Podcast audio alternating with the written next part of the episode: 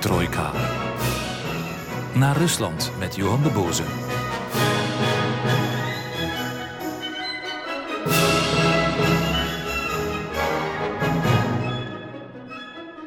Het is 1 maart 1881. Een gewone zondag in Sint-Petersburg. Zoals op elke zondagochtend maakt de tsaar, Alexander II, ochtends wat aantekeningen in zijn dagboek. En hij begeeft zich naar de vertrekken van zijn jonge en wulpse vrouw Katja, waar hij meteen haar rokken omhoog trekt en haar op een tafel neerlegt. Hij is 64, maar hij voelt zich als een jonge man, als een 18-jarige. Na deze twee, in zijn woorden, troostrijke dingen te hebben gedaan, wil hij, wat hij elke zondag doet, naar, het, uh, naar de stad, naar de manege, naar de Mikhailovski-manege gaan om daar zijn gardetroepen te inspecteren. Katja, zijn jonge vrouw, is er niet gerust op. Ze smeekt hem om niet te gaan en daar heeft ze een heel goede reden voor, want er zijn in het verleden al vijf aanslagen op zijn leven gepleegd, vijf aanslagen die mislukt zijn. En de politie heeft momenteel weet van een nieuwe aanslag, of een mogelijke aanslag, althans van een netwerk van extreem linkse revolutionairen die plannen smeden om de tsaar te vermoorden. Alexander, die denkt dat het zo'n vaart wel niet zal lopen, hij heeft al veel toegevingen gedaan. Hij heeft bijvoorbeeld de lijfeigenschap al afgeschaft. Weliswaar onder zeer strikte voorwaarden, maar toch. Hij heeft een uh, nieuw constitutieplan ontworpen, een nieuwe grondwet om Rusland ingrijpend te veranderen. Een aanzet tot een algemene grondwet, waardoor Rusland nog geen echte democratie zal worden natuurlijk. Maar toch, het, is al, het zijn al voorzichtige stappen waardoor hij er zeker van is dat, uh, dat er geen aanslag op hem zal worden gepleegd. Over drie dagen is hij van plan om die nieuwe uh, projecten bekend te maken. En hij denkt uh, dat zal de gemoederen wel sussen. Op die enkele dagen zal het niet aankomen. En hij zegt tegen zijn veiligheidsadviseurs. Hij schreeuwt er bijna tegen hen. Ik heb het u al eerder gezegd, ik beveel het u nu, waag het niet opnieuw te beginnen over een mogelijke aanslag op mijn leven. Neem gewoon alle maatregelen die u nodig acht en laat mij verder met rust. Dus wat doet hij? Hij stapt in zijn koets, een kogelvrije koets. Dat, uh, die kogelvrije koets was overigens een cadeautje van Napoleon III. En hij roept tegen zijn koetsier: Vooruit, we vertrekken naar de manege. De koets van Alexander rijdt door de straten van Sint-Petersburg. Vertrekkend vanaf het Winterpaleis, langs de Katharina-gracht, zo naar de Mikhailovski manege, dus een prachtige route. Zes kozakken te paard escorteren hem. Vooraan, naast de koetsier, zit nog een zwaar bewapende kozak. De koets wordt gevolgd door twee sleeën.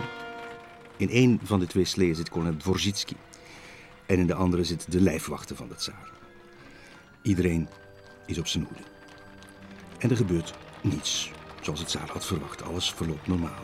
Zonder kleerscheuren komen ze aan in de manege. De tsaar overschouwt in alle rust de parade van zijn geliefde manschappen.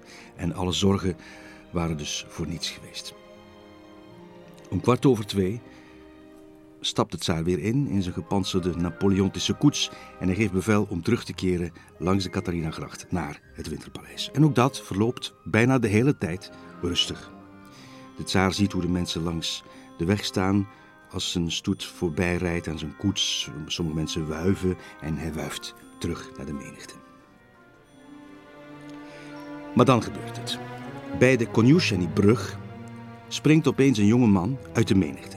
Zijn naam is Nikolai Ristakov. Hij is een student aan het Mijnbouwinstituut in Sint-Petersburg. Hij springt uit de massa tevoorschijn. Hij aarzelt eventjes. Hij haalt een voorwerp van onder zijn dikke jas en gooit dat onder de paardenhoeven van de stoet. Dat voorwerp blijkt een bom te zijn. De bom rolt over de straatstenen tot net niet onder de koets. En dan klinkt een oorverdovende knal. De explosie van de bom is te horen tot in het Winterpaleis. Wanneer de wolk van rook en sneeuw en aarde en splinters optrekt, dan blijkt een van de kozakken, een van de bewakers, roerloos op de grond te liggen. En ook nog een jongen, een slagersknecht die toevallig in de buurt was, die ligt daar te kronkelen, te kermen van de pijn.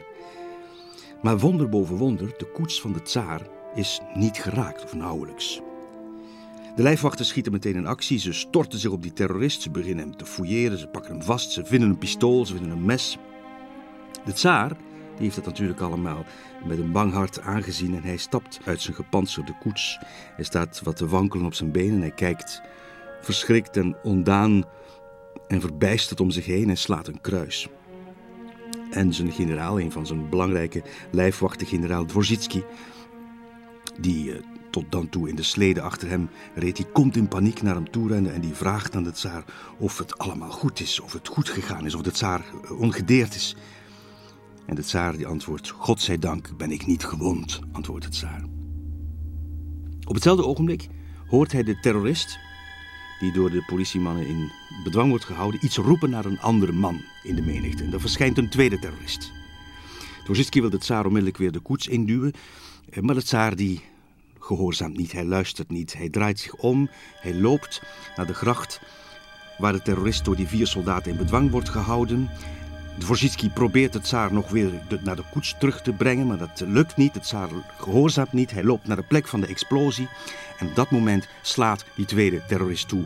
En de bom, de bom van die tweede terrorist, die landt voor de voeten van de tsaar en ontploft. Deze explosie is nog heftiger, nog heviger en nog krachtiger dan de eerste. Alles en iedereen wordt vernietigd, alles wordt weggeblazen. Wat overblijft te midden van de sneeuw zijn epauletten, sabels, menselijke resten.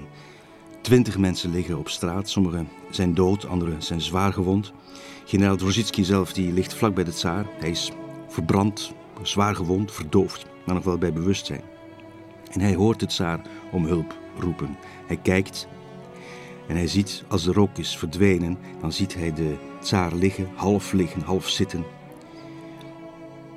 Dvorzitsky verzamelt al zijn krachten. Hij komt overeind, hij kruipt naar de tsaar toe. Hij wil hem helpen. En dan ziet hij dat de benen van de tsaar compleet verbrijzeld zijn. En de tsaar zegt, ik heb het koud. Breng me naar het paleis om daar te sterven. Dat waren dus de laatste woorden van tsaar Alexander II. De tsaar die de geschiedenis zou ingaan als de grote vernieuwer. De meest liberale onder alle tsaren. De tsaar die de lijfeigenschap heeft afgeschaft. En nog zoveel andere liberale maatregelen heeft genomen. Die bijvoorbeeld regionale regeringen heeft ingevoerd. Die het begin van een grondwet heeft gemaakt. Het was nooit genoeg. Het was nooit genoeg voor de activisten, voor de radicale revolutionairen, voor de nihilisten, voor de socialisten ook. Allemaal groeperingen die steeds meer hervormingen en snellere hervormingen wilden. Ze hadden al vijf keren een aanslag op het leven van de tsaar gepleegd.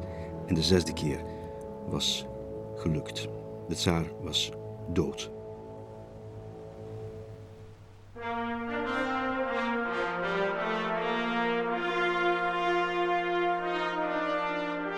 Wat moest er gebeuren met al die liberale hervormingen die Alexander nog van plan was te doen? Als een nieuwe tsaar, Alexander III, de troon bestijgt, dan liegen zijn eerste woorden er niet om. Hij zei onder andere: Midden in ons groot verdriet gebiedt ons de stem van God vurig op te komen voor bestuur dat zich verlaat op Gods plan, met vertrouwen in de waarheid van autocratisch gezag. Dus dat was duidelijk, de nieuwe tsaar zou regeren als een almachtige despoot, als een echte autocraat, als een dictator.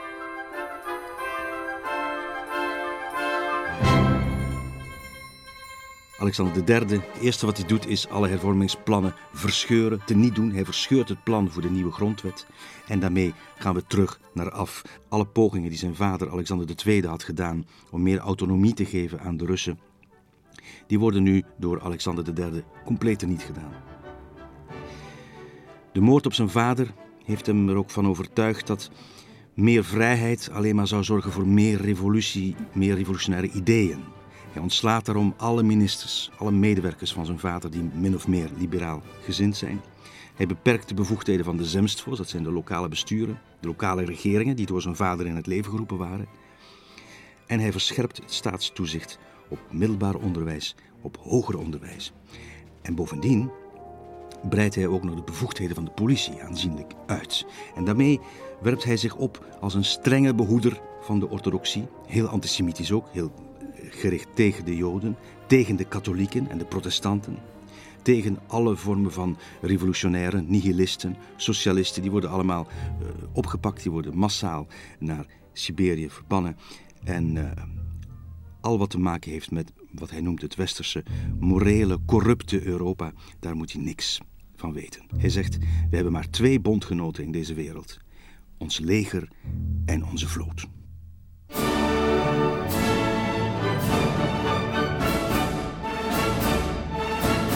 Alexander III hield van dat soort bombastische taal. Het was een taal die paste bij zijn almachtige despotisme. En het is ook een taal die perfect past bij bijvoorbeeld de muziek die Tchaikovsky schreef voor de kroningsplechtigheid van de nieuwe tsaar.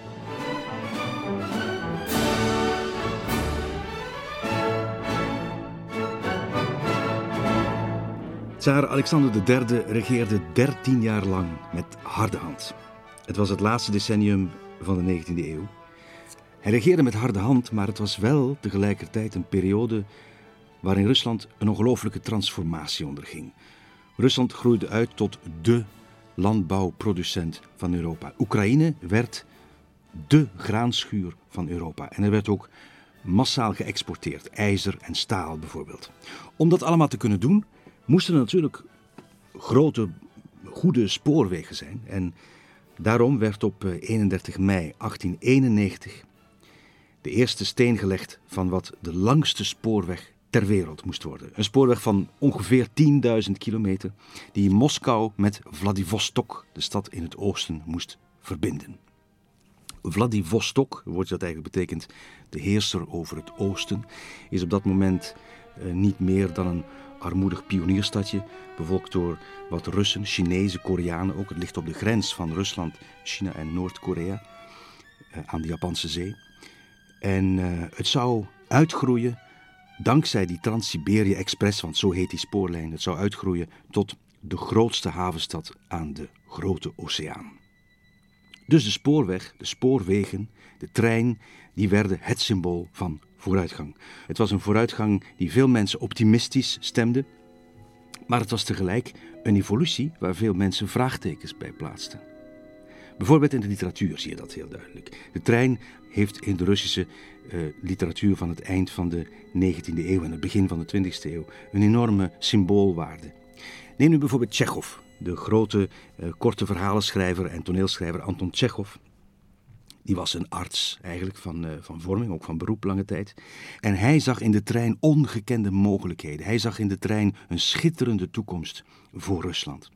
Hij geloofde in de kracht van de vooruitgang en de wetenschap. En hij heeft bijvoorbeeld een verhaal geschreven, Lichtjes heet dat, in 1888. Een verhaal waarin een groepje mannen getuigen zijn van de aanleg van de spoorweg, dwars door de Zuid-Russische steppen. En Tsjechov beschrijft dat op een betoverende manier, elk detail waarop die spoorweg wordt aangelegd. Wij klommen op de spoordijk en keken daar vandaan omlaag naar de aarde. Een honderdtal meters van ons af, daar waar de kuilen, uitgravingen en zandhopen geheel met het nachtelijk duister samenvloeiden, blonk een dof lichtje op. Daarachter blonk een tweede lichtje, toen een derde. Liep men een honderdtal schreden terug, dan gloeiden ergens twee rode lichtjes naast elkaar, waarschijnlijk de verlichte vensters van de een of andere barak. En dan strekte zich langs de hele lijn tot aan de horizon een lange rij van dergelijke lichtjes uit, die steeds dichter op elkaar stonden en steeds vager schenen, eindelijk in de halve cirkel links ombogen en zich in het verre duister oplosten.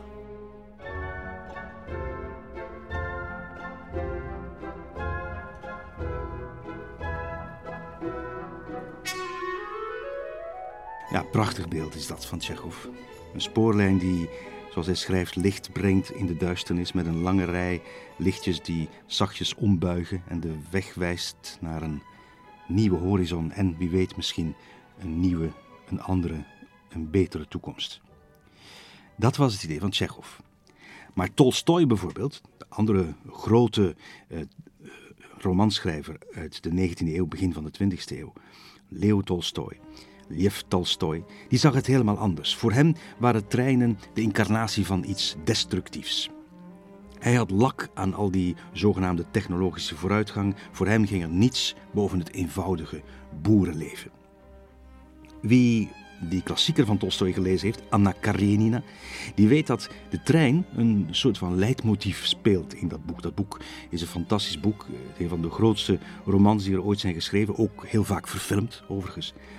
En uh, in dat boek, in Anna Karenina, speelt de trein een tragische rol. Want de belangrijkste momenten in het boek zijn verbonden met een trein. Het begint al bij het verhaal, de eerste, het eerste hoofdstuk van het boek, wanneer Anna, het hoofdpersonage, op het toneel verschijnt. Ze, is, ze komt aan in het station van Moskou en het blijkt een arbeider onder een trein terecht te zijn gekomen en gestorven. Het is een voorafspiegeling van Anna's eigen lot. Want uiteindelijk zal het met haar ook uh, bijzonder slecht aflopen. Op het eind van het verhaal zal zij zichzelf voor een trein werpen. Ook een liefdesverklaring, de liefdesverklaring van haar minnaar, gebeurt in de trein naar Sint-Petersburg. Dus de treinen zijn voor Tolstoy de voorbode van moeilijke, barre tijden die in het verschiet liggen. En misschien had hij daar zelfs wel gelijk in.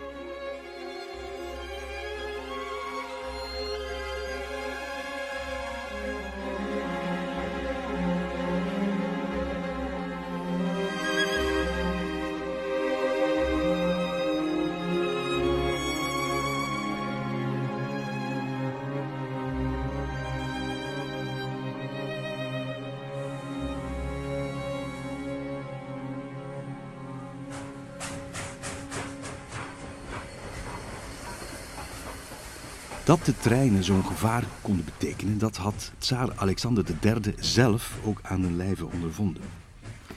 Op 29 oktober 1888 is de keizerlijke trein met tsaar Alexander III en zijn hele familie aan boord op weg van de Krim, van het Schiereiland in het zuiden, naar het noorden, helemaal naar Sint-Petersburg.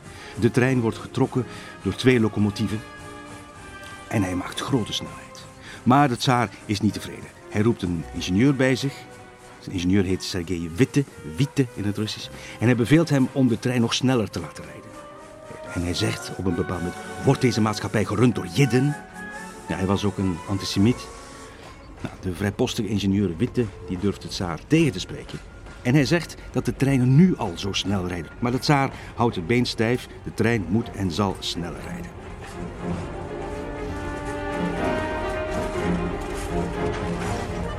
295 kilometer ten zuiden van Koersk, vlakbij een station, een dorpje dat heet Borki, begint de trein opeens te schudden en te beven.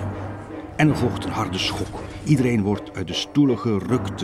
In de restauratie vliegen de tafels door de lucht. Het dak van een wagon scheurt open. En een groot deel van de trein ontspoort, gaat over de koppen, dendert de berm af. Ook de wagen waarin de tsaar en zijn familie zitten.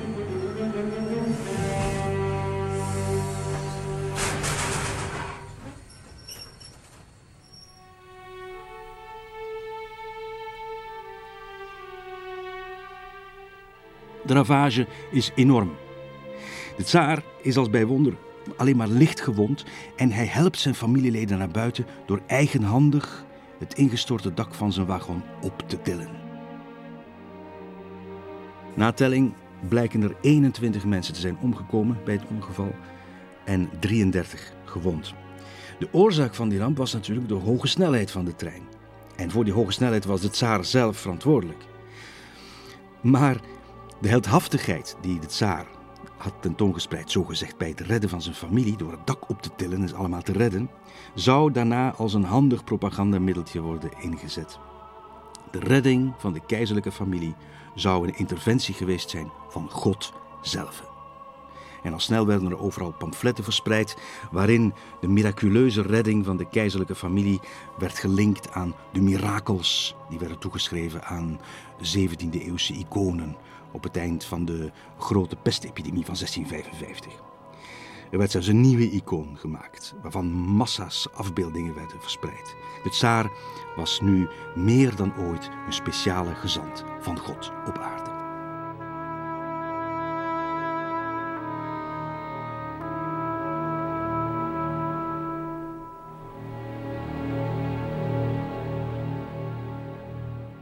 Het nieuws van die uh, miraculeuze redding had Sint-Petersburg, de hoofdstad, al bereikt nog voor de tsaar en zijn gevolg daar zelf aankwamen. En toen ze arriveerden in de hoofdstad in Sint-Petersburg werden ze op het station opgewacht door een juichende menigte.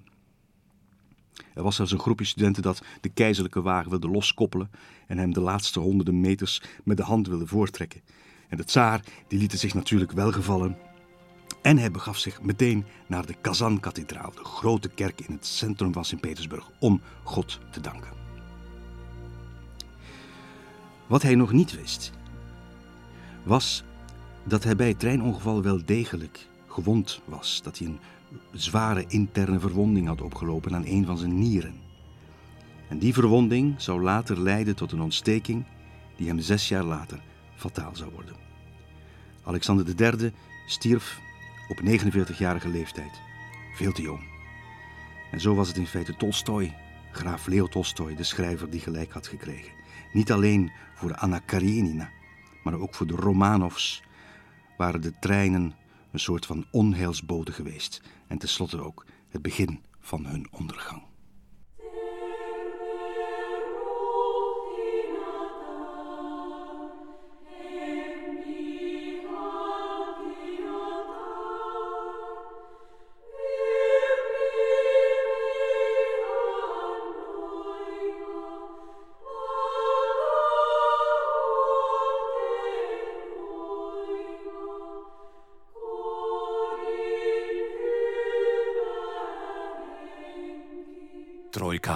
Naar Rusland met Johan de Boze.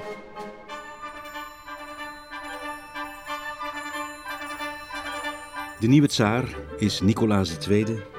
Die komt aan de macht, hij is pas 26 jaar oud. Hij heet Nicolaas, Nikolai in het Russisch. Hij wordt Niki genoemd. En Niki is in paniek. Kort na de dood van zijn vader riep hij uit: Ik ben niet klaar om tsaar te worden. Ik heb het nooit willen worden. Ik weet niets van hoe je een land moet besturen. Ik heb zelfs geen idee van hoe je met ministers moet praten. Hij lijkt een beetje op Lodewijk XVI in 1774 in Frankrijk. Die heeft vergelijkbare dingen gezegd. Maar er is geen ontsnappen aan. Hij wordt bijgestaan door zijn ooms, Sergei en Vladimir, die hem helpen bij ingewikkelde staatszaken. Maar het belet niet om eventjes in te gaan op wie die Nicolaas eigenlijk was. Hij was gewoon een mietje. Zijn vader had hem buiten alle regeringsactiviteiten gelaten. Hij was een verlegen jongen, hij was meisjesachtig, hij was een slappeling, hij was een klein kind. Dat zijn allemaal omschrijvingen die men over hem heeft eh, gegeven. Hij was een, um, een soort Engelse kostschooljongen, een uitmuntende schutter. Een, uh, hij reed ook voortreffelijk paard, hij was ontzettend beleefd, maar hij wist niets, maar dan ook niets van politiek, niets van de problemen van zijn land. Een mooie anekdote is dat hij uh, op een bepaald moment verliefd is geworden op een ballerina. En uh, hij werd, uh, om hem op andere gedachten te brengen, werd hij door zijn vader op wereldreis gestuurd om zijn politieke horizon, zogezegd, te verbreden. Maar dat gebeurde helemaal niet. Onderweg was hij alleen maar bezig met het weer, met de maaltijden, met zijn gezelschap, met allerlei hedonistische dingen om zich te vermaken. En mooi detail, of een belangrijk en interessant detail. Hij kwam bijna om het leven door een aanslag in Japan. Uh, die overleeft hij natuurlijk, uh, maar daarna haatte hij alles wat met Japan te maken had. En dat heeft ongetwijfeld een rol gespeeld in de latere oorlog, enkele jaren later, de oorlog tussen Japan en Rusland in 1904-5, de eerste grote oorlog van de 20e eeuw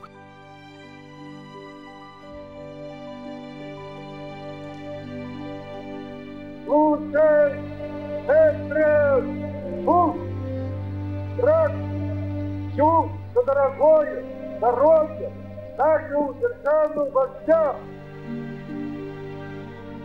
Nicolaas, hij schreef in zijn dagboek als twintiger over allerlei spelletjes en grollen. En zo bijvoorbeeld schreef hij in 1894, één maand voor zijn troonsaanvaarding, hij is dan 26 jaar oud, schreef hij het volgende.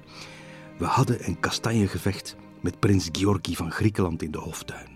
We begonnen voor het huis en we eindigden op het dak. Ja, jongen van 26.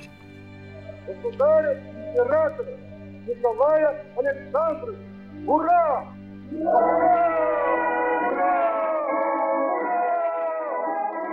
Als men hem uh, de werking van de staat probeerde uit te leggen, dan werd hij volgens getuigen acuut in beslag genomen door de complicaties van het peuteren in zijn neus. Nou, Zo'n jongen was het. Die jongen wordt uh, tsaar tegen zijn zin is er helemaal niet klaar voor. En al vanaf de kroning liep het helemaal mis. Dat was op 14 mei 1896. Om half elf die ochtend bulderden de kanonnen, luiden de klokken, klonk ook de fanfare van Tchaikovsky en de menigte juichte de tsaar toe. Tsaar en de tsarina die bovenaan de rode trap verschenen onder de gouden baldakijn, zo via het Rode Plein naar de kathedraal in het Kremlin, kathedraal van de Maria ten Hemelopneming, de Uspensky Sabor. En onder een escorte van uh, allemaal familieleden, van ministers, paraderende ooms. Ook een minister die een kroon bij zich droeg. En dan op dat moment gebeurt iets heel merkwaardigs. Iets wat misschien ook wel symbolisch is voor het hele beleid van Nicolaas II. Toen een van die ooms de met hermelijn gevoerde rijksmantel om de schouders van de nieuwe tsaar wilde hangen. Toen brak de met diamanten bezette Sint-André-keten. Er eh, komt een kamerheer toegesneld en die raapt de kostbare stukken van die ketting op en stopt ze in zijn zak. Misschien was dat een teken aan de wand. Misschien was God er dit keer ook weer mee gemoeid op een of andere manier. Maar het werd nog erger, want enkele dagen later kwamen er honderdduizend boeren bijeen op het Godinka-veld de tsaar had een groot feest aangekondigd. Overal in de stad hingen posters, affiches met waarop geschreven stond: Voor elke bezoeker aan het veld ligt er een knapzak klaar met daarin snoep, peperkoek, worst, een emaaien mok en een broodje. Kwestie van zijn volk gunstig te stemmen en hen te laten delen in de feestvreugde. En er stond nog meer op: speciale stalletjes aan de rand van het veld zullen bier en mede verstrekken. Nou, er werden 400.000 knapzakken gevuld maar tot ieders verbazing kwamen er veel meer mensen opzetten. Bijna 700.000, bijna twee keer zoveel als men had verwacht. En dat had natuurlijk te maken met de goede bereikbaarheid van de spoorwegen. Dat was spectaculair, maar was het ook zo goed? Helaas niet.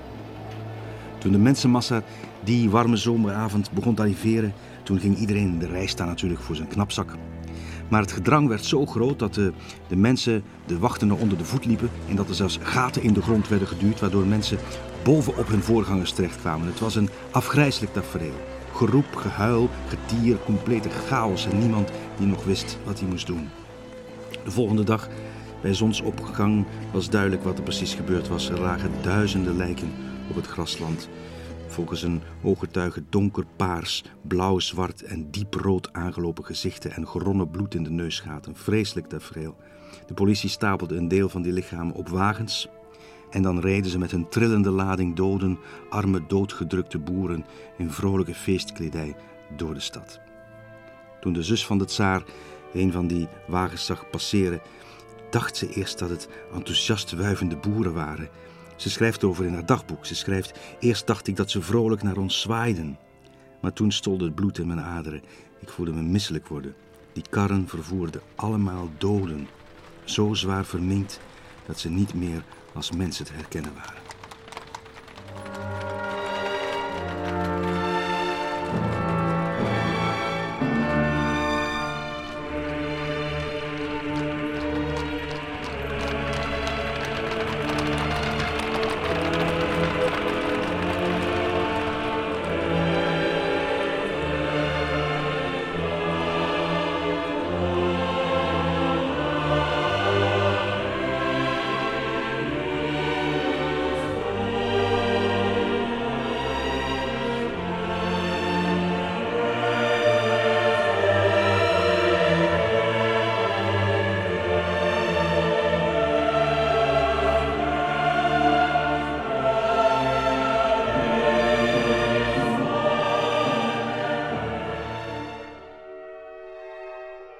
Zou denken dat die feestelijkheden rond de kroning van Nicolaas II op dat moment zouden worden afgelast.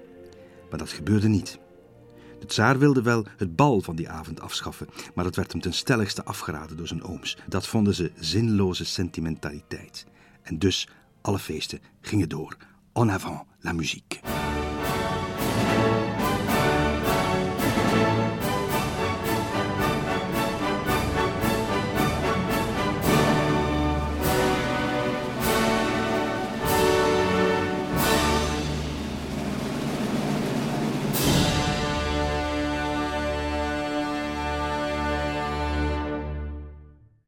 церемониальному маршу.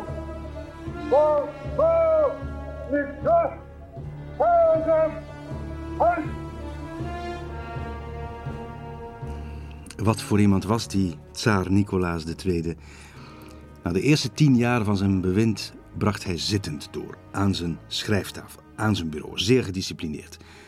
Hij stond elke dag om acht uur op en hij werkte een punctueel programma af. Zijn bureau, zijn kamer was een toonbeeld van ordelijkheid. Zijn bureaublad was zo netjes geordend dat hij opschepte, dat hij uh, zijn werkkamer in het donker kon binnenkomen en dan nog elk voorwerp blindelings op de tast zou weten te vinden. Hij gebruikte een blauw potlood om zijn ondraaglijke paprassen van commentaar te voorzien. Dit was niet meer dan een blauwe stip. Een secretaris had hij niet nodig, dat vond hij volstrekt overbodig. De enveloppen van zijn besluiten voorzag hij eigenhandig met een zegel. En hij weigerde ook zaken delegeren. En hij moest daarom net zo goed tekenen voor trivialiteiten zoals naamsveranderingen of echtscheidingen in zijn rijk. Maar ook wie van zijn stafleden paaseieren mocht ontvangen en wie niet. En net zo goed als voor verbanningen en doodvonnissen. Zijn huwelijk was gelukkig. Zijn huwelijk was een troost voor hem. Zijn vrouw, Alexandra Fyodorovna, liet hun voornaamste woningen opnieuw inrichten. Bijvoorbeeld hun vertrekken in het Winterpaleis, waar niemand meer gewoond had sinds Alexander II. Op de plek waar het bed van zijn grootvader had gestaan, kon je nog altijd het bloed op de vloertegels zien. Zijn laatste sigaret lag nog steeds in de asbak, dus die tsaar had daar nooit gewoond.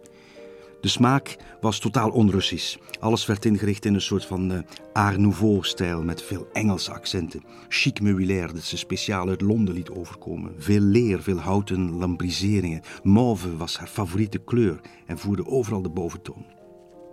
Niki, dus zoals de bijnaam van de tsaar luidde, was in zijn vrije tijd constant in de weer met halters en een rekstok. En hij had ook een zwembad dat hij gebruikte voor een modieuze vorm van hydrotherapie of iets dergelijks. Zijn vrouw, die Alexandra Fyodorovna, was eigenlijk een Duitse prinses. Haar oorspronkelijke naam was Alix van Hessen-Darmstadt. Maar na haar huwelijk eh, heette ze Alexandra Fyodorovna. Zij was een kleindochter van Queen Victoria en zij was heel westers opgevoed. Trouwens, haar grootmoeder, Queen Victoria, die bleef haar na haar huwelijk nog altijd advies geven.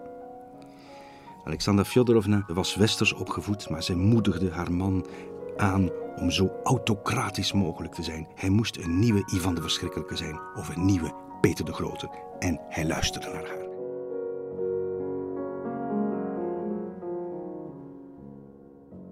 Nicolaas II zwolg in zijn fantasie van absolute macht. Hij wilde een bewuste leider zijn of een bewuste leider spelen met alle merkwaardige en grillige en soms onhandige beslissingen die daarbij hoorden.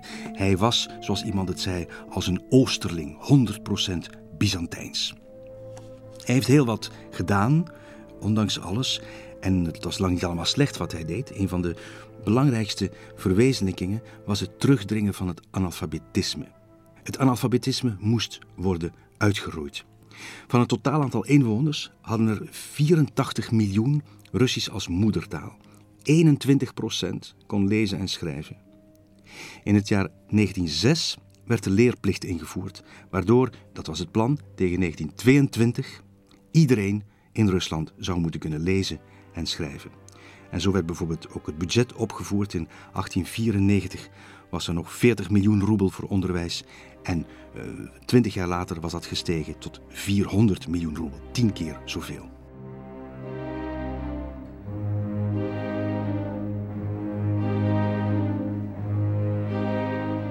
Maar aan de andere kant had Nicolaas II een afkeer van Sint-Petersburg. Omdat hij het veel te wereldlijk vond. Hij vond dat er veel te veel westerse cultuur heerste. Hij vond dat de intelligentsia te ver afstonden van het eenvoudige Russische volk. Hij wilde de stad moscoviseren. Hij wilde uienkoepeltjes op de kerken en timpanen. Dat zijn de kroonlijsten op het dak. Hij wilde die toevoegen aan de klassieke façades. Dus hij wilde dat Petersburg er meer uit zou gaan zien als Moskou. Hij liet ook een belangrijke kerkbouw, de Bloedkerk, of de kerk van de heiland op het bloed, zoals de Russen het noemen. En dat was de kerk ter nagedachtenis van de moord op Alexander II, zijn grootvader. Een kerk met uivormige koepeltjes, kleurrijke mozaïeken, sierlijke ornamenten, een en al Moskouse kitsch dus. Nicolaas II had vijf kinderen Olga, Tatjana, Maria, Anastasia en Alexei. Dat wil zeggen vier meisjes en één zoon. De zoon was volgens de Russische wet de enige die in aanmerking kwam voor de troon. Alexei was de troonopvolger. Maar die jongen was uh, heel zwak, was heel ziek. Hij leed aan een erfelijke bloedziekte, hemofilie, een ongeneeslijke ziekte. Een erfelijke ziekte die via zijn moeder is gekomen.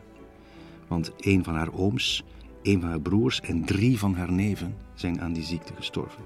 En dat maakte haar uh, zeer ongeliefd uh, in Rusland. Bovendien was ze Duits, van Duitse afkomst. Ze werd die Duitse vrouw genoemd. Ze sprak geen Russisch of nauwelijks. En um, ze was bovendien uh, zo goed als godsdienstwaanzinnig als het aankwam op uh, de genezing van haar zoon. En zoekend naar een manier om haar doodzieke zoon te genezen, kwam ze op het spoor van een heel bijzondere man, namelijk Grigori Rasputin.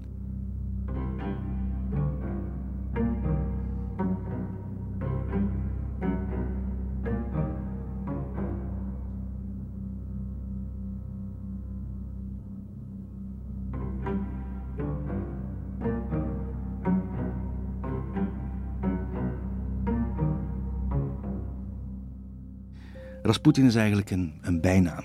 Dat is niet de echte naam van die man. Het betekent letterlijk van de weg af. Of, losbandig, zou je kunnen zeggen. En dat was een bijnaam die gebruikelijk was in West-Siberië, Tjumen, waar hij vandaan kwam.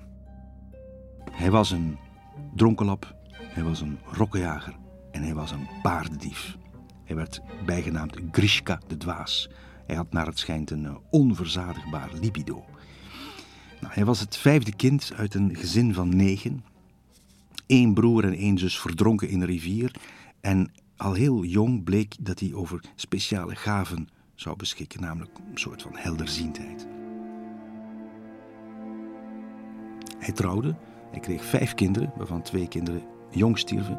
En hij leefde afwisselend als boer, visser en voerman. Op een bepaald moment in zijn leven begint hij visioenen te krijgen. Hij komt onder invloed van seminariestudenten. Hij komt tot inkeer en hij onderneemt een pelgrimstocht. Hij wilde gaan leven als kluizenaar en hij gaat ook in dienst bij een uh, heilige man, Makari. Dat is een, uh, een type man dat mooi is beschreven door in de boeken van Dostoevsky, in de gebroeders Karamazov bijvoorbeeld. Hij komt onder invloed van die heilige man en hij wil monnik worden. Hij treedt in in het klooster maar hij verlaat het na enkele maanden opnieuw. Langzaam kreeg hij het etiket opgeplakt van wat in Rusland iets heel bijzonders is van heilige dwaas, Eurodivi. Dat is een, geen gek, maar een soort uh, extreem naïeve en tegelijkertijd wijze man. Een soort uh, profeet, zou je kunnen zeggen. Iemand met profetische gaven.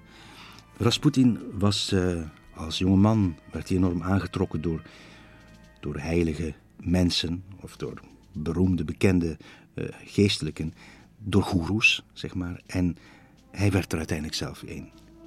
Hij kreeg langzaamaan uh, bekendheid om een, een leer die hij verkondigde. Een heel bijzondere leer, iets wat volgens mij alleen maar in Rusland bestaat. Um, een soort mengeling van mystiek en erotiek. Een mengeling van zelfkastijding en groepseks, iets heel bijzonders. Met als principe geen boete zonder zonde. Je moest eerst zondigen, heel intens, heel grondig zonder grenzen en daarna moest je daarvoor boeten. De orde van de Glisti. Het was een buiten de wet gestelde orde, een secte eigenlijk. Um, en die natuurlijk nastreefde, naar eigen zeggen, om zo dicht mogelijk bij God te komen. Hij werd vegetariër, had geen vlees meer, nam geen suiker meer, stopte met drinken, heel belangrijk. Hij wilde zo dicht mogelijk bij de natuur gaan staan. En hij beweerde dat hij op een van zijn visioenen Maria zou hebben gezien onderweg naar Jeruzalem. Hoewel het zeer de vraag is of hij wel naar Jeruzalem is gegaan. Waar hij zeker naartoe gegaan is, is naar de berg Athos in Griekenland. Daar heeft hij ook belangrijke visioenen gekregen. Ehm, hij leefde van aalmoezen en hij stichtte een commune in Kazan bij de rivier de Volga. Nu op dat moment was het niet zo ongewoon. We zouden kunnen zeggen van wat voor een rare man, wat voor een rare sfeer. Maar in Rusland was men heel erg bezig met allerlei secten, met allerlei religieuze, uh, vreemde dingen. Ook met spiritistische seances. En zo waren er een aantal bewegingen uit het buitenland eh, die een grote invloed hadden gekregen in Rusland. Zo was er bijvoorbeeld de Theosophical Society. Dat was een altruïstische beweging die ontstaan was in New York bij Madame Blavatsky. Madame Blavatsky dat was een half Russische aristocrate die heel veel uh, interesse had voor het Hindoeïsme en het Boeddhisme.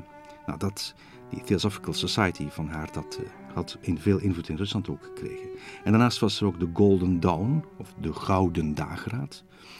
Een genootschap dat was opgericht door vrijmetselaars en dat erop gericht was om respect op te brengen voor alle godsdiensten. Het was een joods-christelijke genootschap, maar men uh, vroeg om respect voor alle godsdiensten. Bijvoorbeeld de bekende dichter Yeats was, uh, was lid van die Golden Dawn. Dus in dit klimaat van uh, occultisme, spiritisme, mystiek, bijgeloof zou je kunnen zeggen, komt iemand als Rasputin natuurlijk makkelijk in de kijker. En de tsarina, dus de vrouw van Nicolaas II, die raakte helemaal in de ban van deze man. Zo erg zelfs dat ze hem naar het paleis in Sint-Petersburg uitnodigde.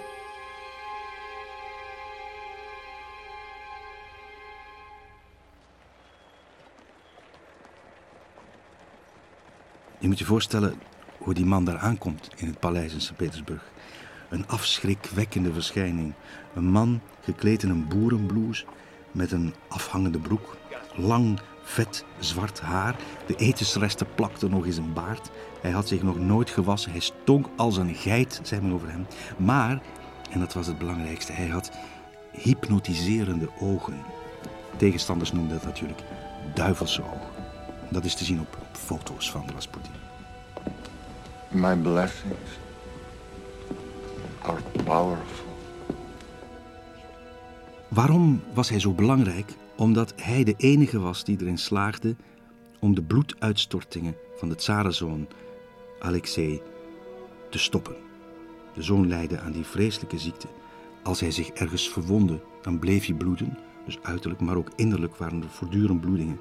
En Rasputin die slaagde erin om dat te stoppen. Hoe, hoe deed hij dat? Je zou je achteraf kunnen afvragen met wat meer eh, kennis van wetenschap. Hoe kan dat dan? Hoe kon hij dat doen? Nou, er is veel onderzoek naar gedaan. En um, een van de mogelijke antwoorden op die vraag is bijvoorbeeld dat hij uh, gebood om geen aspirine meer te geven aan die jongen. Want aspirine is een bloedverdunner. Dat, uh, en dat kreeg je voortdurend omdat hij, hij niet meer zou bloeden. Dus dat was een fout. Rasputin zorgde ervoor dat hij dat niet meer kreeg. Een andere mogelijke reden was het kalmerende effect van de aanwezigheid van Rasputin. Rasputin moet een bijzondere uitstraling hebben gehad, waardoor die jongen rustiger werd, waardoor hij minder door de kamer rondholde als kleine dreumes en dus ook minder bloeding had. Het zou te maken ook kunnen hebben, zegt men, met de kunst van de hypnose, waar Rasputin ontzettend mee bezig was, waardoor, naar het schijnt, bloedvaten vernauwden en hij dus ook minder bloedingen kreeg. Misschien waren er Tibetaanse drugs mee gemoeid. Dat weten we niet met zekerheid. Is the pain gone? Yes. Now. Go to sleep. Sleep. I'm telling you. Toen de tsaar, kort tijd daarna, in 1915, tijdens de Eerste Wereldoorlog, als opperbevelhebber naar het front ging, toen trok Rasputin gewoon het paleis in en uh, kreeg hij alsmaar meer invloed, ook op de politiek. Hij besliste mee over benoemingen, over aanstellingen. Hij had veel te zeggen over de problemen binnen het leger. Hij nam beslissingen over netelige kwesties in de kerk bijvoorbeeld, uh, of in gewichtige staatszaken. En hij was ontzettend corrupt. Hij was niet vies van steekpenningen, ook omkoperij met seksuele gunsten. Daar was hij helemaal niet vies van. Hij was, zou je kunnen zeggen, de volmaakte egoïst. Hij hield, als hij geld kreeg, dan hield hij het niet voor zichzelf. Hij gaf het meteen allemaal weer uit. Bovendien stond hij bekend als uitermate brutaal. Very pretty. But I prefer women. Over de potentie van Rasputin zijn ook heel wat verhalen verteld. Um, Volgens sommigen zou hij een heel grote penis hebben gehad, die trouwens in een bokaal in een museum in Sint-Petersburg te zien zou zijn. Nou, daar is één te zien. Of het te zijn is, dat kunnen we natuurlijk niet bewijzen. Dat is wat verteld wordt. Andere mensen vertellen dat hij juist heel erg klein was en dat hij daardoor helemaal impotent was. Nog anderen zeiden dat hij een indrukwekkende vrat op zijn geslachtsorgaan had, waardoor hij speciale effecten kon bereiken. Nou, er werd ontzettend veel over hem geroddeld en gepraat. Nonnen kwamen klagen over verkrachtingen. Um, hij zou pedofiele neigingen hebben gehad. Hij deed het zowel met mannen als met vrouwen. Enfin, er werd ontzettend veel over hem gepraat. Hij had uh, voortdurend uh, feestjes, braspartijen, waar ook veel geweld bij te pas kwam. En hij werd zelfs op een keer na zo'n feestje gearresteerd. Maar daarna werd hij weer snel vrijgelaten, dankzij bemiddeling van de tsaar zelf, overigens.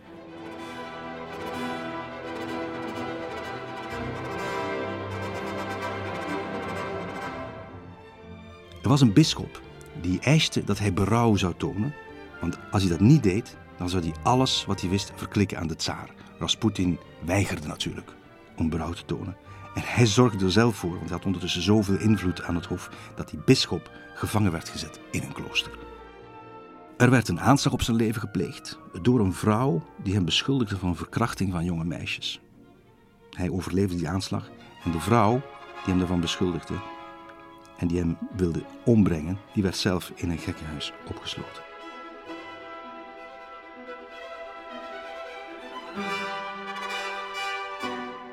De grote vraag is: was hij de minnaar van de tsarina Alexandra Fyodorovna of niet?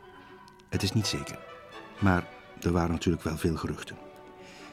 En wie kunnen het beter vragen dan aan de tsaar zelf? Nou, als we het aan de tsaar vragen, dan antwoordt hij daarop: beter één Rasputin dan tien hysterische aanvallen per dag. Nou, ondanks alles eh, zag iedereen het dus. En op die manier was Rasputin al heel gauw het symbool geworden van het geloof in de Byzantijnse drie-eenheid: God, de tsaar en het volk.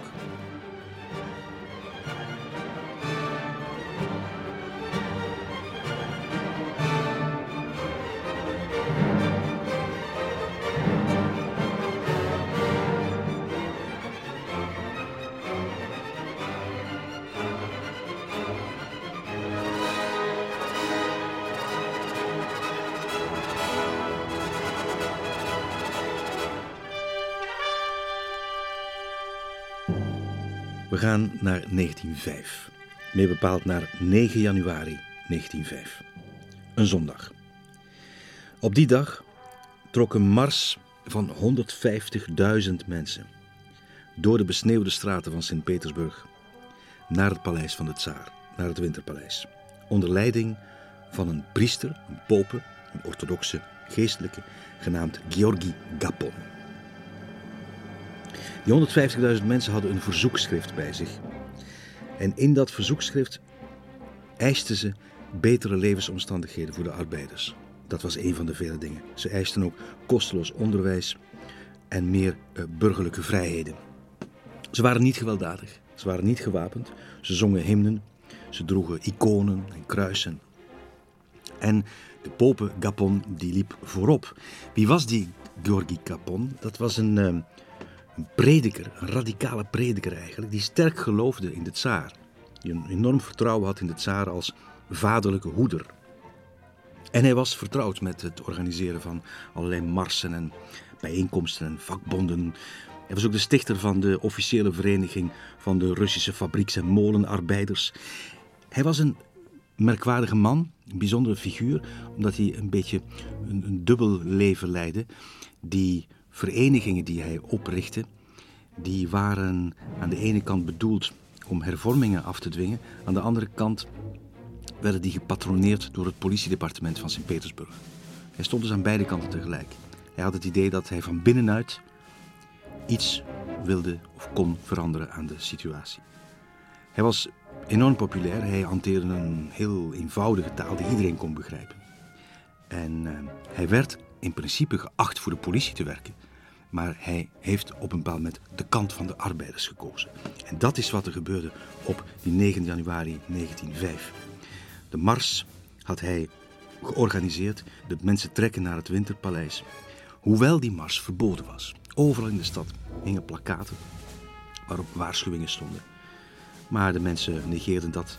Ze dachten dat de soldaten van de tsaar nooit zouden schieten op vreedzame demonstranten.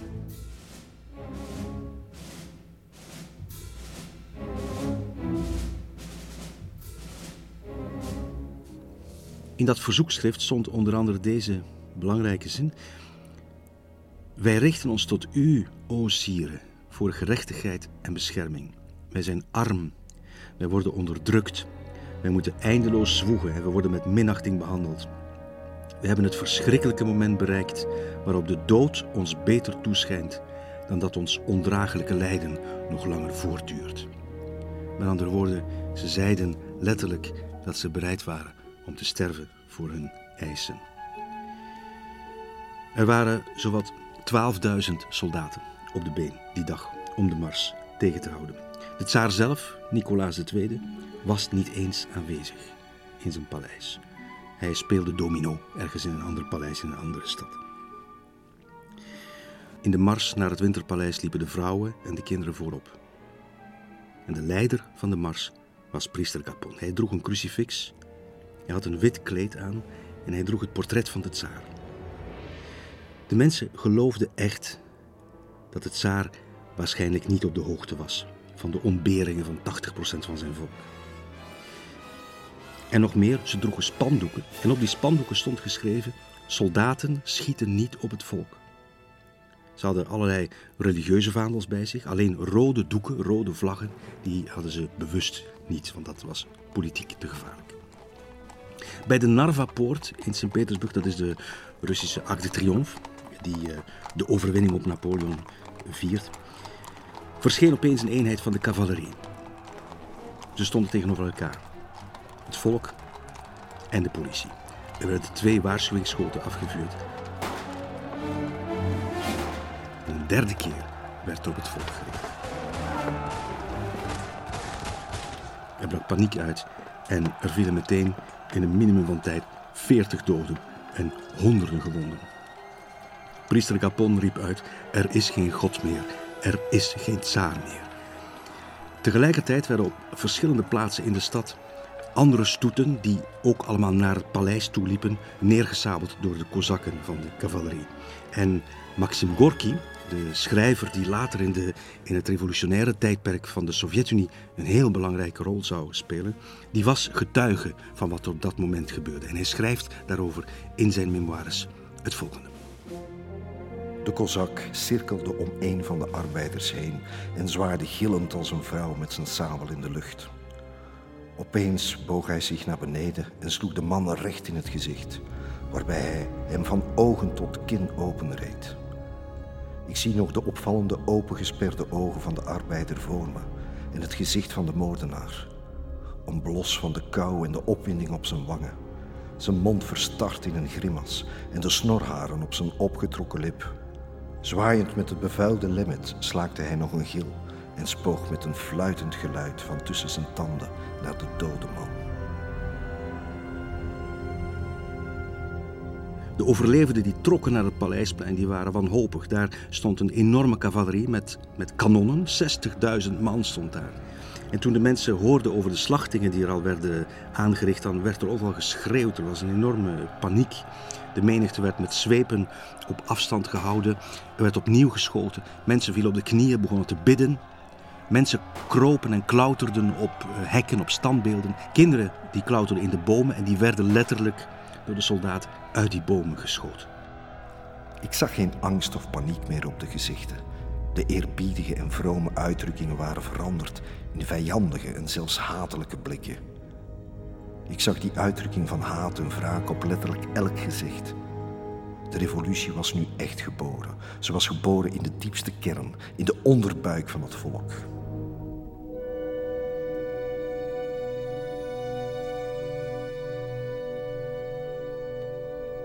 Overal in de stad waren er plunderingen, schermutselingen met de politie, geweld met stenen.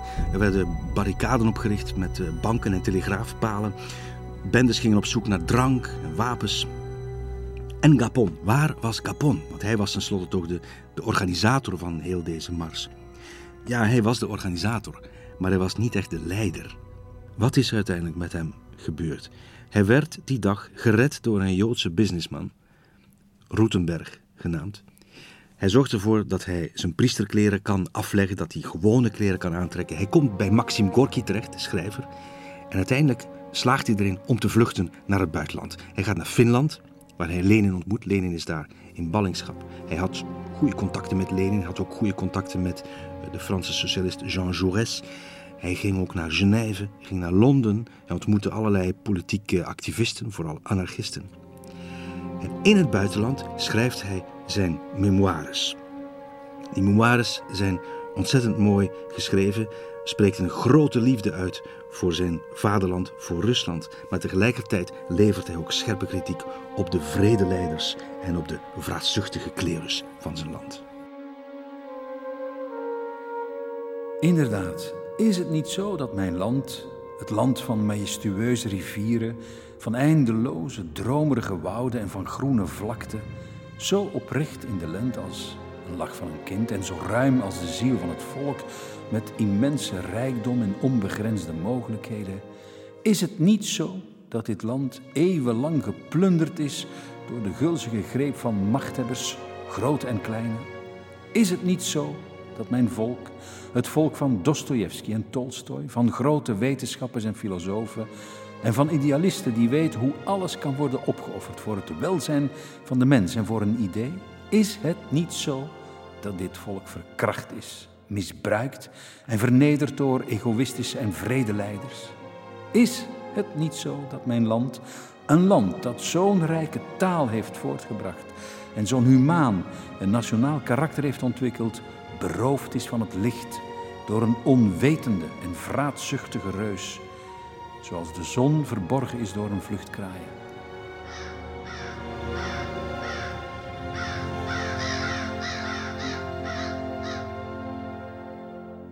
Egoïstische en vredeleiders, dat waren ze inderdaad. Er waren geruchten dat er duizenden doden waren. Zoveel waren er niet. In werkelijkheid waren er ongeveer 200 en 800 gewonden. Maar dat is genoeg. Er waren ontzettend veel arrestaties. En die dag is de geschiedenis ingegaan als bloedige zondag.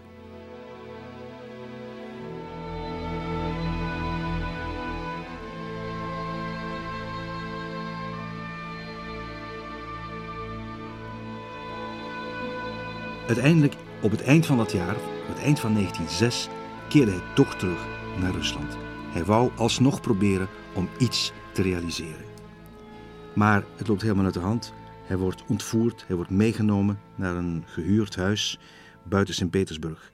Daarna wordt niks meer van hem vernomen en men vindt hem terug een maand later in dat huis opgehangen. Wellicht was zijn oproep om een soort van collaborateursrol te spelen in het verkeerde keelgat geschoten van revolutionaire aristocraten en hebben die hem in het geheim vermoord.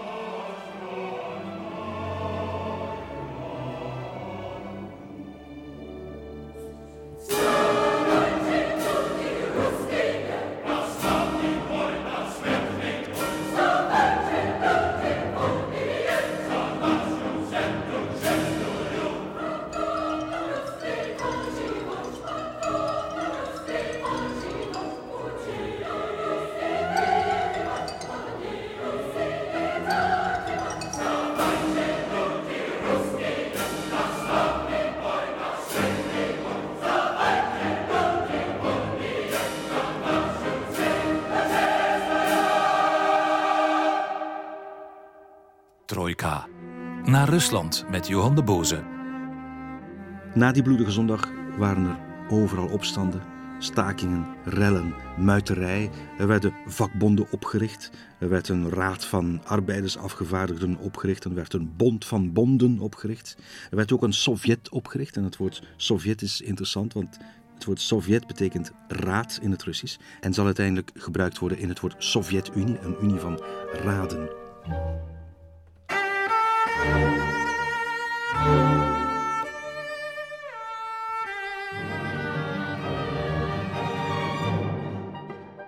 Een van die opstanden speelde zich af ongeveer een half jaar na Bloedige Zondag in juni 1905 in de Zwarte Zee op de slagkruiser of de panzerkruiser Potemkin of Potjomkin in het Russisch.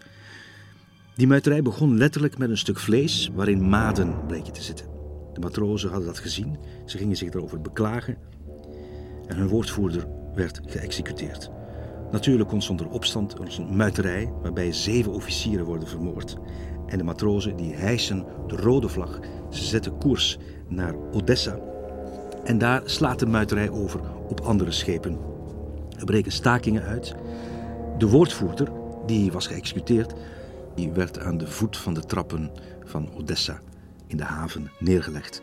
Er kwamen duizenden mensen kransen neerleggen. Maar er werden troepen tegen ingezet en op dat moment vielen er 2000 doden en 3000 gewonden in Odessa.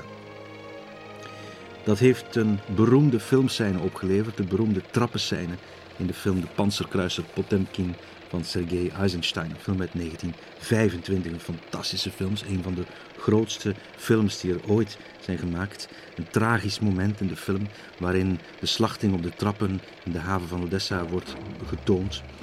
Je ziet soldaten de trappen afmarcheren terwijl ze de opstandelingen en de bevolking genadeloos neerschieten. Een extra dramatisch moment in die scène is waarin Eisenstein een kinderwagen met een baby erin de trap af laat rollen nadat de moeder door een kogel was getroffen.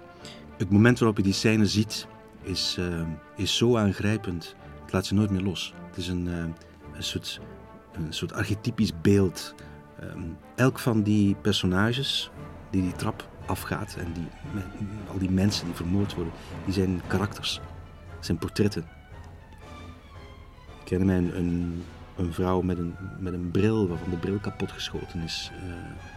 Uh, kreupele mensen, mensen met, met krukken, die proberen naar beneden te rennen. En dan die, die soldaten die een, met een cadans, uh, met een vaste cadans, die trappen afstappen en, en, en, en telkens samen tegelijkertijd schieten. Dus het is, het is ongelooflijk aangrijpend. Je moet het maar één keer zien dan het nooit meer te vergeten.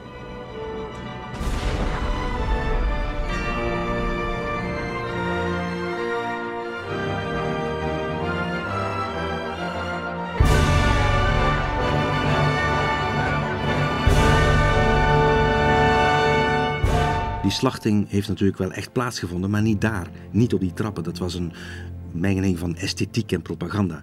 Er waren gewelddadige incidenten, maar die speelden zich af boven in de binnenstad van Odessa.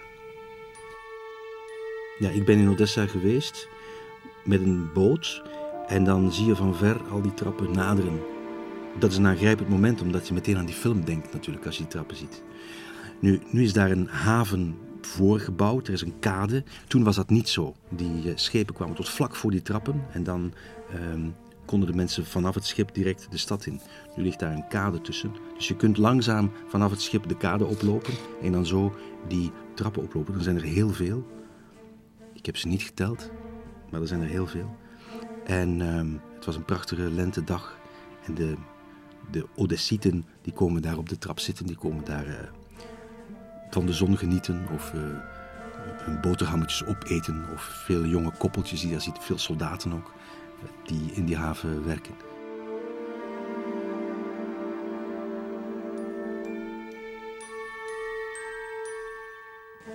De reactie van de tsaar op die opstanden was heel laconiek. Hij zei: Het is pijnlijk en triest. Hij heeft wel vrede gesloten met Japan daarna, de capitulatie in augustus 1905. Maar hij zag werkelijk de ernst van de situatie niet. Hij hield zich bezig met onbenulligheden. Hij hield zich bezig met uh, bijvoorbeeld hoeveel vogels hij die dag had geschoten. En officieel werd er gezegd dat die opstanden georganiseerd waren door buitenlandse agenten. Dus men benoemde nieuwe verantwoordelijken bij het leger. Men beloofde een strengere, rechtlijnige militaire aanpak van problemen en kleine hervormingen en allerlei beloften. Maar er was iets in beweging gezet dat niet meer kon worden tegengehouden. En er begon op een bepaald moment bij de tsaar iets te dagen. En in oktober publiceert hij het Oktobermanifest, dat eigenlijk werd geschreven door zijn minister Witte. Dat Oktobermanifest beloofde allerlei grondige hervormingen, bijvoorbeeld de oprichting van een Duma, een parlement. Het parlement was bedoeld om die tegenstrijdige politieke fracties met elkaar te verzoenen. Dat lukte niet meteen, dat lukte niet makkelijk. Die Duma werd een paar keren opgericht en weer ontbonden en weer opgericht. En er werd ontzettend veel gebakkeleid. Maar een deel van de bevolking was blij, was zeer verheugd en vierde zelfs letterlijk feest, omdat die Duma eindelijk was uh, opgericht. Maar aan de andere kant waren er organisaties, monarchistische, antidemocratische organisaties, die met geweld de straat op gingen en die een soort van straatoorlog begonnen tegen alles wat democratisch was. En die monarchistische organisaties werden genoemd de Zwarte Honderden. Het waren groeperingen die met uh, patriotische vlaggen en met iconen en met kruisen een soort van processie een spoor van vernieling trokken door Rusland. En die alles wat liberaal was of socialistisch en ook joods uh, genadeloos uh, vermoorden. Zij steunden de autocratie. En zij hebben tussen oktober 1905 en april 1906 hebben ze naar schatting 15.000 mensen geëxecuteerd. En 20.000 mensen zijn bij gevechten gewond geraakt.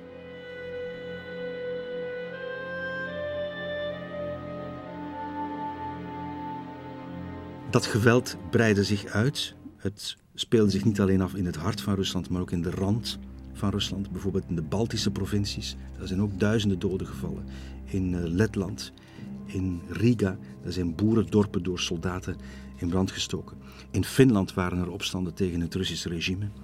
En uh, bijvoorbeeld ook in Polen zijn honderden doden gevallen bij opstanden van pachters, studenten, drukkers, treinpersoneel, winkelbedienden, bankbedienden. Iedereen was uh, in rep en roer en er werd, alles werd met geweld uh, neergeslagen.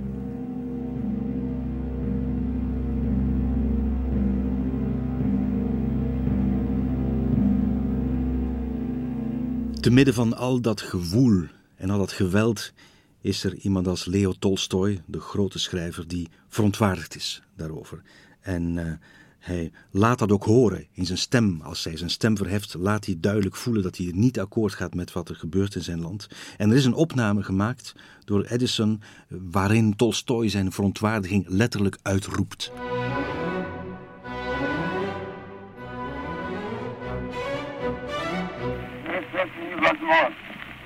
Нельзя так жить. Нельзя так жить. Нельзя, нельзя. Каждый день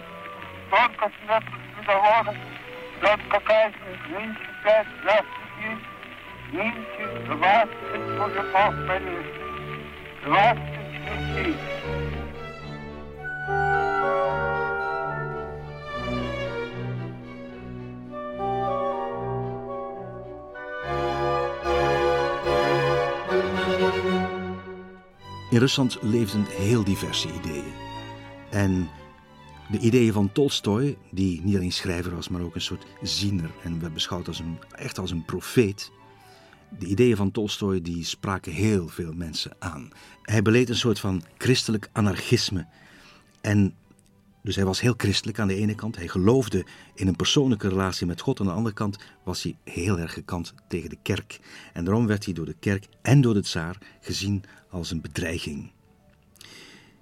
Iedere sociale revolutie in Rusland zou een spirituele basis moeten hebben, vond hij. En zelfs de meest atheïstische socialisten die waren zich bewust van de noodzaak om een soort religieuze draai te geven aan hun idealen. En er was een krantenuitgever genaamd Suvorin, die in 1901 iets heel belangrijks heeft geschreven. Hij schreef: Er zijn in Rusland twee tsaren, Nicolaas II en Leo Tolstoy. Welk van die twee is de sterkste? Wel, Nicolaas II kan Tolstoy niets doen. Hij kan hem niet van zijn troon stoten. Maar Tolstoy kan de troon van de tsaar ongetwijfeld aan het wankelen brengen.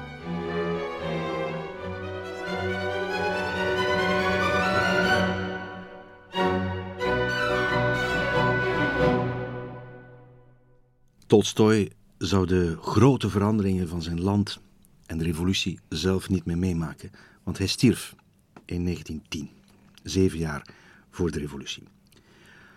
Op 28 oktober 1910, om vier uur ochtends, verliet hij zijn huis in Jasnaya Paljana. Hij nam een rijtuig naar het nabijgelegen station en hij kocht een derde klas kaartje naar het klooster Optina Pustin. Hij was 82 jaar oud en hij had nog tien dagen te leven. Hij keerde alles terug toe: zijn vrouw, zijn kinderen, het familiehuis waar hij bijna een halve eeuw had gewoond, de boeren, die hij goed kende, en zijn literaire carrière. Alles. En hij zocht zijn toevlucht in het klooster. Die drang om te vluchten was niets nieuws voor Tolstoy. Hij had het al eerder gedaan. In de jaren 80 van de 19e eeuw had hij de gewoonte bijvoorbeeld om s'nachts pelgrims te vergezellen op de weg naar Kiev. Pelgrims die langs zijn huis liepen. En dan kwam hij pas tegen de ochtend weer naar huis. Maar nu had hij het plan om alles definitief voorgoed achter zich te laten. De eindeloze ruzies met zijn vrouw Sonja, die meestal gingen over eh, religieuze standpunten, die hadden het leven thuis ondraaglijk gemaakt. En hij wilde rust en vrede in zijn laatste dagen. Hij had het huis haastig verlaten en zonder een duidelijk plan. Alleen het klooster trok hem aan. Misschien omdat hij kort daarvoor voor het eerst de gebroeders Karamazov van de, zijn collega Dostoevsky, die al een tijdje dood was, had gelezen. Misschien ook omdat zijn zuster Maria daar in de buurt woonde. Zij was de laatste overlevende van zijn gelukkige jeugd en zij bracht haar laatste jaren door in het nabijgelegen klooster. Een klooster dat onder leiding stond van de monniken van Optina, waar Tolstoy naar onderweg was. Tolstoy kende die streek heel goed. Hij had er vaak als boer rondgelopen. Hij had er gesprekken gevoerd over God met de oude Ambrosi om zijn gekwelde geest te kalmeren. En het ascetische leven, vooral ook van die kluizenaars in Optina, was voor hem een constante bron van inspiratie. Je zou kunnen zeggen dat een van zijn verhalen, het verhaal Vader Sergius, een verhaal dat uh, ontstaan is uh, in uh, 1890 al, dat dat eigenlijk over hem gaat. Verhaal over een kluizenaar, een voormalige luitenant, zoals Tolstoy was ook een voormalige militair. En die luitenant die worstelt met God en hij bidt en hij mediteert en uiteindelijk vindt hij vrede als een eenvoudige pelgrim. Dat zou ook kunnen gezien worden als het leven van Tolstoy, zijn religieuze verlangen om zich af te keren van de wereld.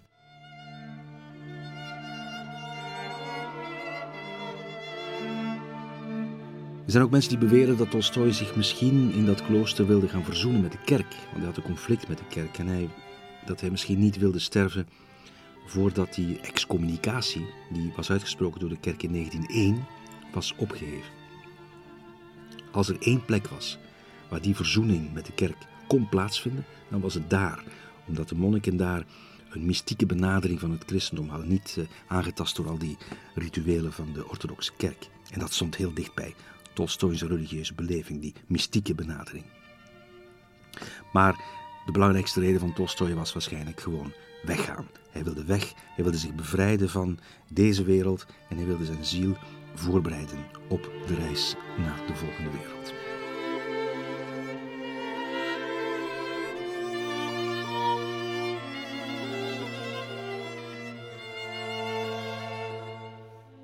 Hij zou het klooster waarnaar hij onderweg was nooit bereiken, want hij kwam op een bepaald moment in het station van Astapovo terecht en dat, uh, zijn landgoed was zo groot dat dat station nog deel uitmaakte van dat landgoed dat dan nog op zijn eigen grond lag. En daar voelde hij dat uh, zijn leven bijna afgelopen was. En hij ging liggen en hij vroeg aan de stationsmeester: En de boeren? Hoe sterven de boeren? Hij had veel over die vraag nagedacht. Hij dacht dat boeren op een andere manier sterven dan geletterde mensen. Een, hij dacht dat ze stierven op een manier waaruit bleek dat zij de zin van het leven kenden. Boeren die op sterven liggen, dacht hij, accepteren de dood. En dat was hun bewijs van hun vertrouwen, hun religieus vertrouwen. En Tolstoy had zich voorgenomen om zelf ook op die manier te sterven. Hij had ooit eens een dagboek geschreven. Wanneer ik doodga, wil ik graag dat men mij vraagt of ik het leven nog steeds zie als daarvoor, namelijk als een nadering tot God en als een groeiende liefde. Mocht ik niet langer de kracht hebben om te spreken, en het antwoord is ja, dan zal ik mijn ogen dicht doen. Als het antwoord nee is, dan zal ik opkijken. Nou, niemand heeft eraan gedacht om hem die vraag op dat moment te stellen. En we zullen dus nooit weten hoe hij die grens overschreed die hem zoveel angst had ingeboezemd. Er heeft uiteindelijk geen verzoening plaatsgevonden met de kerk. De heilige synode heeft nog geprobeerd om hem terug te winnen. Ze heeft zelfs een van haar monniken uit Optina naar Astapovo gestuurd, waar Tolstoy lag. Maar die missie is mislukt, want niemand van Tolstoys familieleden wilde de monnik zelfs maar even laten kijken naar de stervende. En zo werd de schrijver tenslotte een christelijke begrafenis onthouden. Tolstoy was overigens zo beroemd dat het bericht van zijn overlijden de dag daarna in de New York Times stond. Tolstoy was zo bekend en zo populair en zo geliefd dat de bevolking een eigen dienst voor hem hield. En ondanks pogingen van de politie om mensen tegen te houden, trokken toch duizenden rouwenden naar het landgoed, naar Jasnaya Paljana. En daar werd Tolstoy begraven op zijn favoriete plek uit zijn jeugd. De plek in het bos waar zijn broer Nikolai vele jaren eerder een toverstaf had begraven. Op die toverstaf had hij een geheim geschreven, namelijk hoe de eeuwige vrede tot stand zou komen en hoe het kwaad op de wereld zou worden uitgebannen. Zodra de kist van Tolstoy werd neergelaten in de aarde, hieven de rouwenden een oud Russisch lied aan. En iemand schreeuwde bij wijze van uitdaging aan de politie. Die politie had instructies gekregen om een oogje in het zeil te houden. Op jullie knieën, neem je pet af. Iedereen gehoorzaamde. En na een moment van aarzeling knielden zelfs de politiemannen en namen ook zij